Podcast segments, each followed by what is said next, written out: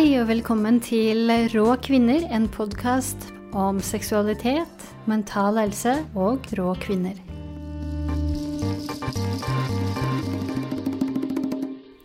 Hei, mitt navn er Elise Ein, og velkommen til en ny episode av Rå kvinner. Denne gangen skal jeg snakke litt om begrepene feminin og maskulin, og hvordan vi bruker det i dagliglivet. Hvordan det brukes i spirituell kontekst, og hvordan eh, man kan egentlig utnytte andre begreper istedenfor å bruke ordene feminin og maskulin. Da jeg var liten, så trodde jeg at jeg egentlig skulle vært en gutt. Jeg hadde store føtter og store hender. Eh, klubber kalte pappa de, fordi jeg ofte slo til lillebroren min når jeg ble sint på han. Jeg var tynn som en strek, og knehasene mine var mørke av sår, og jeg hang ofte med broren min og fetteren mine, og jeg følte meg som en del av gutta. Men eh, når jeg ble fjortis, så var det dermed veldig klart for meg at jeg ikke var en del av gutta. Jeg var jente. Fordi plutselig, litt sånn over natta, så svulma det opp av mage og hofter og rumpe og lår og pupper. Eh, og jeg eh, ville jo egentlig være feminin for å tiltrekke meg guttene. Og seinere i tenårene så ble jeg en del av et rockemiljø. Jeg gikk med hullete jeans og store band-T-skjorter. og breie Dr. Marten-sko og gikk i klasse med 90% av gutta som spilte rock og ja, var veldig breibeint og tøff. Skjørt og kjole var helt uaktuelt. Eh, jeg drev ikke med skjørt og kjole før jeg blei i midten av 20-åra, og da var det fordi at jeg var eh, så opptatt av å være gother og hadde lange skjørt og dramatiske kjoler. Uh, og som du sikkert skjønner, så har jeg definert meg litt inn og ut av disse kategoriene som heter feminin og maskulin. Jentete eller guttete. Eller guttejente, som jeg ville kalle meg en lang periode. Men eh, nå i dag så ser jeg litt tilbake, og så tenker jeg hva er egentlig feminin og maskulin? Eh, og hva er målstokken på de tingene? Ikke bare på utseendet men også indre verdier og menneskelige egenskaper. Fordi nå i senere tid så er det sånn at eh, jeg har opplevd det flere ganger å bli møtt med menneskelige egenskaper som man putter i kategoribåsene feminin eller maskulin. For én ting er jo utseende, en annen ting er da personlige egenskaper. I historiens løp er det mange egenskaper og ferdigheter som har tilhørt kjønnskategoriene. Jeg er ingen historiker med historikerens vidsyn, men uh, jenter må ha jo ha gitt en, uh, til en gitt tid vært uh, stillferdige og høflige og driftige på hjemmebane. De skulle lage mat og ha gode menneskekunnskaper for å oppdra barna sine. De skulle være yndige og kokette og alltid med et smil om munnen mot mannen, da. Og disse temaene ble brukt som eh, standard og målestokk for eh, hvordan en kvinne skulle te seg. Det var altså termer som brukt for å holde kvinnene i sjakk. Mannen var mye friere til å oppføre seg som han ville, og likevel være en ordentlig mann, quote unquote, mens kvinnen falt i unåde. Eh, bare se på Nora i et dukkehjem. Disse idealene har kvinner hatt i allerede mange hundre år, før Ibsen skrev Et dukkehjem. Så det skulle bare mangle at ikke vi også har eh, noen forventninger til det i dag. Selv om det da selvfølgelig er mye lettere å, å definere seg ut av disse boksene når vi lever i et av verdens mest likestilte land, mens andre land ikke har det helt på samme måte. Så når jeg tar opp det, så må jeg jo anerkjenne at vi alle har et bias, eh, et sted vi kommer fra. Både vår forståelse av hva som er feminint og maskulint, og åssen disse evnene er tilknytta kjønn eller ikke. Men da jeg møtte kjæresten min og vi starta med å gjøre tantra sammen, så begynte jeg å lese tantrabøker, dvs. Si neotantrabøker. Og jeg blir interessert for et nytt eh, begrepsapparat rundt eh, det maskuline og feminine, nemlig det hellige feminine og det hellige maskuline. I New Age-miljøene er de begrepene hyppig brukt, og de florerer med såkalte prestinner som skal innvie deg i de feminine mysterier, eh, med røde kjoler og røkelse og dans som er en del av greia. Du skal finne din indre shakti, din indre gudinne, og vekke kundalinikraften. Og misforstå meg rett, jeg elsker jo å danse. jeg syns det er kjempedeilig å bevege kroppen. Uh, og veldig spontant etter rytme og føle at uh, jeg lever. Og det kan jeg gjøre enten sammen med andre eller aleine. Men i miljøet så ble det fort uh, danna et sett med normer, følte jeg. Og normene, så vidt jeg kunne se, var sånn sjaktikvinne som er supersensuell, slangedansende, superspirituell og veldig sensitiv. Og selvfølgelig ikke i jobb. Eh, hun har altså bikka over til å bare føle. Samtidig var det noen andre ting de snakka om eh, i det hellige feminine og det hellige maskuline, eh, som møter hverandre. Fordi jeg og kjæresten møtte jo hverandre i et tantrisk samarbeid. Og for meg så oppfatter jeg jo oss som veldig hellige for hverandre, og vi brukte jo også øvelser for å påkalle det guddommelige i hverandre. Og da ble det jo også åpenbart for meg at eh, jeg trengte hans sterke, trygge tilstedeværelse og hans strukturerte metoder for å hjelpe meg i mitt åndelige arbeide. Og ikke minst hans deilige mannekropp. Mens eh, han trengte mitt søkende og lyttende vesen, mine spontane påfunn og en erotisk lengsel som jeg klarte å smitte han med.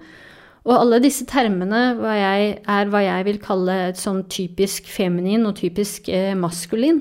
Det vil si at han var veldig strukturert, planleggingsevne og stødig, og jeg var spontan og flytende. Jeg, jeg lytta til russiske kvinner som sa at kvinner trenger en mann som tar vare på dem for å være sitt beste feminine. Og til andre såkalte tantrikaer som snakka om å vekke sitt, sin indre sjakti gjennom den perfekte symbiosen av maskulint og feminint arbeid. Det kunne være enten at man eh, selv er en feminin eh, figur, altså kvinne, og en maskulin figur, altså en mann. Eh, eller det kunne være snakk om de indre tingene. Hva vet jeg. Det var veldig mye vage begreper. Eh, og jeg var i ferd med å sluke den bølgen, jeg. Så med de brillene så ble jeg også overraska over å bli møtt med motstand da jeg intervjua kvinner til boka mi Rå. Da spurte jeg dem ut om hva de syns om det å være feminin, og om det var noe de kunne identifisere seg med. Og de fleste de svarte at de forholdt seg ikke til sånne begreper i det hele tatt. Og de syntes de var unødvendig å bruke kjønnede ord for eh, evner som alle har. Og jeg ble overraska, men jeg lot det synke inn og tenkte her har jeg et bias. Og oppdaga at jeg er jo egentlig enig i det de sier her. Så jeg tok det til meg og begynte å tenke at det var noe bedre ord for disse tingene vi ønsker å uttrykke, som ikke nødvendigvis hører til kjønn. For vi er jo egentlig alle mennesker. Og i seineste Altså-magasinet, eh, som forresten er kjempebra, så brukte de ordet, uttrykket 'feminint lederskap'. Og de intervjua mest kvinner om hvordan de har tatt inn feminine verdier i sitt lederskap. Og der kunne jeg ønske at de også intervjua en mann, fordi eh, med de samme spørsmålene bare for å løsrive seg fra den ideen om at feminint lederskap, lederskap kommer fra eh, et spesifikt kjønn, altså kvinner. Fordi da vil man se at eh, de det de båsetter som feminint, også kan beskrives med andre ord. F.eks. menneskenær, relasjonell, en leder med evne til å heve blikket og trekke de store linjene. Kanskje til og med holistisk, altså evnen til å se at helheten er mer enn summen av dens deler. Og at kvinner har større evne til relasjonskompetanse, det kan hende, ettersom mange er trent til å ta seg av familie og holde nettverk og være omsorgsperson, og vi trenes også gjennom vår oppvekst til å bli de omsorgspersonene. Men det gjelder jo ikke alle kvinner. Og det gjelder heller ikke uh, at alle menn ikke har disse evnene. Og særlig ikke i Norge. Når vi ser utover vårt lands grenser på verdensbasis, så kan vi jo trygt si at vi trenger flere kvinner, og vi trenger mykere verdier i ledelsen. Det trenger ikke gå hånd i hånd. Det fins også kvinner som leder som, som 90% av verdens menn gjør med eyes on the target og konkurranse og struktur og kjør, kjør, kjør, uten å liksom ha noe blikk for noe annet enn eh, sluttresultatet. Det er jo en del i historien det at man kaprer flest land, man ser verken helheten eller delene. Og I samtale med en venn fra Brasil så snakket vi om akkurat dette her, og han påpekte at menn i maktposisjoner verden over har vært vant til å kjøre på samme jernhånd i så mange hundre år at de har blitt vant til å, å maktmisbruke over både kvinner og andre. Og det som skal til for å vekke de, eller vekke verden på den måten, uh, ifølge han, uh, er at kvinner kommer i en maktposisjon uh, med en relasjonell og helhetlig ledelsesstil. Og det er i denne samtalen her at jeg skjønner at det er jo forskjell på diskusjonsgrunnlaget vi har hjemme og i Kina eller i Saudi-Arabia, og hvorvidt vi kan bruke feminin og maskulin her eller der. For her hjemme anerkjenner vi også at menn har evne til å være omsorgspersoner, selvfølgelig. At menn flest kan se helheten og kjenne på sine egne verdier og stake ut ny kurs ut ifra indre verdier. Og at menn kan være flytende og spontane og kreative og i kontakt med følelsene sine. Og jeg har tro på at norske menn i stor grad kan det. Så i norsk kontekst så spør jeg om hva skal vi da med kjønnskategoriserende evnebokser, som ikke minst utelater de andre som ikke faller inn under kategorien mann eller kvinne, altså de eh, ikke-binære. Og om eh, menn i Saudi-Arabia har de samme evnene innunder all, all um, kulturell læring, ja, selvfølgelig, men all den kulturelle læringa som foregår på toppen, vil gjøre at de nok ikke vil anerkjenne seg selv som verken følsomme menn eller eh, omsorgspersoner, eller på den samme måten som vi kan her til lands. Men her, og for de andre som vet at menn kan være følsomme og intuitive og omsorgsfulle, så syns jeg vi skal la være å feste kjønnskategorier eh, på menneskelige evner. Og selv om det er generaliserende at menn er flinkest på enkelte ting, og kvinner er flinkest på andre ting, for det kan jo stemme, det, så blir ordene feminint og maskulint så vage og ofte feilplasserte. Som kvinnen jeg intervjua sa, det er begreper vi ikke trenger å forholde oss til. Vi gjør som vi vil utenfor disse boksene. Og nå skal jeg gå litt tilbake og se på det jeg nevnte i stad, nemlig dette med hellige feminin og hellig maskulint. Eh, ord som ofte brukes i et eh, spesifikt miljø, eh, og som kanskje er en helt annen diskusjon. Men jeg vil påstå at mange her blander to kategorier. De blander menneskelige evner, som de har snakka om, med åndelighet. Og det finnes ikke noe som er hellig feminint versus uhellig feminint når vi tenker på i det åndelige perspektivet. Alt er like hellig og en del av skapelsen. Skal man diskutere ord og betydning av ord i åndelig kontekst, så følger det en hel rekke fallgruver. Eh, og det er jo veldig klar over, så det er jo liksom vanskelig å gå inn på det også her. Eh, fordi det, eh, skapelsen eller livet eller det vi ikke kan fange med ord, eh, kun med opplevelser, det har ulike betydninger i ulike tradisjoner. Og ord er i seg selv skapt i en dualistisk verden som peker på noe kontra noe annet. Og et ord peker på en spesifikk ting, og da utelukker det jo det andre. Eh, og det skaper en kløft mellom det begrepet og motsatsen til det begrepet, f.eks. maskulin og feminint. da. Ordet feminint er belasta med menneskelig historie og sosial kontekst, som jeg har allerede snakka om og er etter min mening vanskelig å bruke og forstå riktig, særlig i åndelig kontekst. I vedisk og indiske ikke-dualistiske tenkninger så er den kvinnelige shakti den som er verden. Så med andre ord er alt i verden henne. Hun er formen, og fordi uten form ville vi ikke kunne skille noe fra noe annet. Så hun, som er da den feminine, er formen, og Shiva er den formløse som gjennomstrømmer alle ting. Og det her er mine ord, og allerede så føler jeg at ordene mine er nyttesløse for å snakke om dette. Eh, men poenget mitt er at det ikke er noe som heter det hellige feminine. Fordi det skaper en dikotomi, et skille til det som ikke er hellig og ikke er feminint. Spiritualitet er etter mitt skjønn 80 eh, selvutvikling uansett. Og i selvutvikling så kategoriserer vi jo ikke feminin og maskulin i så stor eh, grad. Min praksis eh, når det gjelder selvutvikling, har vært akem-meditasjon og asana-yoga i mange år. Og alt som skjer, er jo en bevegelse i meg. Ofte så har ikke de tingene engang et navn, det er bare en følelse. Jeg kan føle meg trist eller sint eller skamfull, glad eller takknemlig eller hva enn. Eller noe midt imellom som ikke har et navn. Så når jeg mediterer, så sier jeg jo ikke til meg selv 'Nå skal jeg vekke min indre sjakti', det guddommelige feminine. Fordi det er jo allerede det jeg er. Eh, og så alt jeg opplever, er en del av det guddommelige. Alt eh, er en del av den bevegelsen. Og det handler også om å være ærlig mot meg selv og gå til steder som ikke har ord, og hente ut og deretter samle til ord for at jeg skal få en bevisst forståelse av hva som foregår.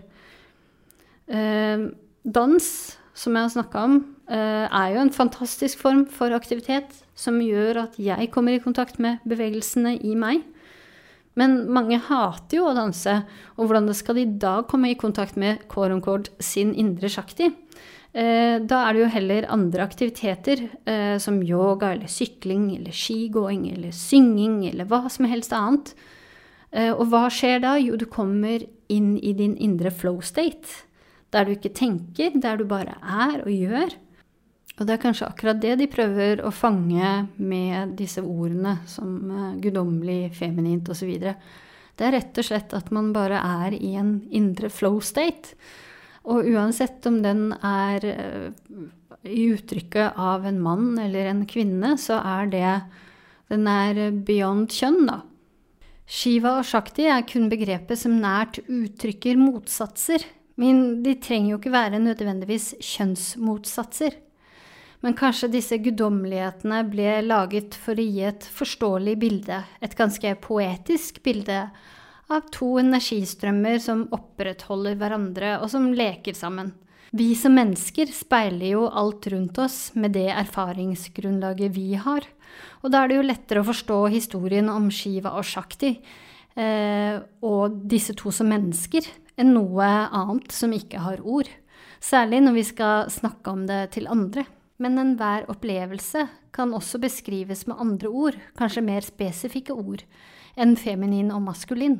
Eksempelvis vil jeg si at en viktig egenskap i det åndelige arbeidet og i den åndelige søken er å være mottakelig og øve seg på å være åpen og ta imot, og uten å nødvendigvis sette det man opplever i båser og kategorier med det samme man opplever det. Eh, det er en egenskap jeg tør å påstå at jeg innehar i mye sterkere grad enn eh, den mannlige kjæresten min, eh, som umiddelbart vil sette indre opplevelser inn i et system. Med andre ord så er det kanskje det dvelende som faller lettest for meg, og det systematiserte, eller systematiseringen, som faller lettest for han. Men det vil jo ikke si at det gjelder alle menn er systematiserende og alle kvinner er duellende. Det kan jo være andre preferanser hos andre.